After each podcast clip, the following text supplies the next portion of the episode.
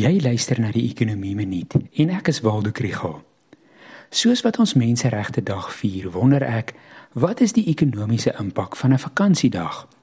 Aan die een kant is daar 'n afname in produksie van sekere goedere en dienste.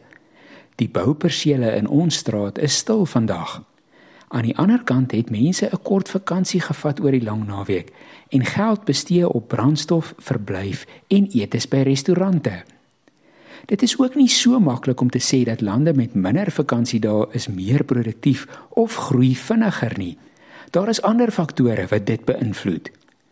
Onlangse internasionale navorsing gee egter vir ons 'n bietjie insig in hierdie vraagstukke. Rodrigo Wagner ondersoek 200 lande oor 20 jaar.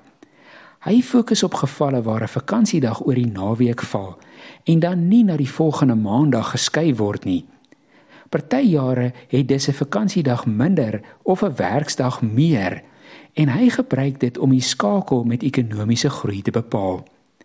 Hy vind dat gemiddeld oor al die lande sal 'n ekstra werksdag die bruto binnelandse produk met 0,11% verhoog.